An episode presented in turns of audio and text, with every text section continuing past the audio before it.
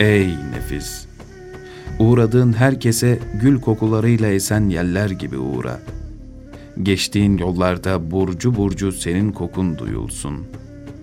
Mumlar gibi yan, eri, başkalarını aydınlat ama katiyen bu büyük fedakarlığı kendi çıkarlarına bağlama.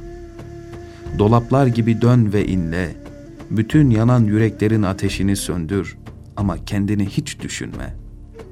Bir buhurdanlık gibi için için hep kavrul, çevrene güzel kokular neşret ama halinden asla şikayet etme. Her zaman yüzün yerde olsun. Hakkın sana olan lütuflarını başkalarına karşı tefahur vesilesi yapma. Aksine onu muhtaçlara verilen avanslar gibi gör. Ücretini peşin almış olmanın hicabını duy.